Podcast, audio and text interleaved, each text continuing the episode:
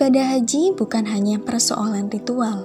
Di balik itu, terdapat nilai-nilai agung yang menjadi prinsip dasar kemanusiaan bagi seluruh umat manusia, bahwa kita semua adalah sama dan setara.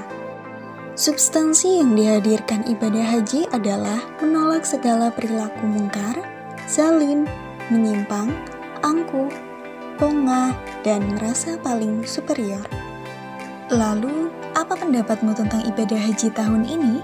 Kami dari DPD IMMDIY mengucapkan Selamat Hari Raya Idul Adha 1442 Hijriah.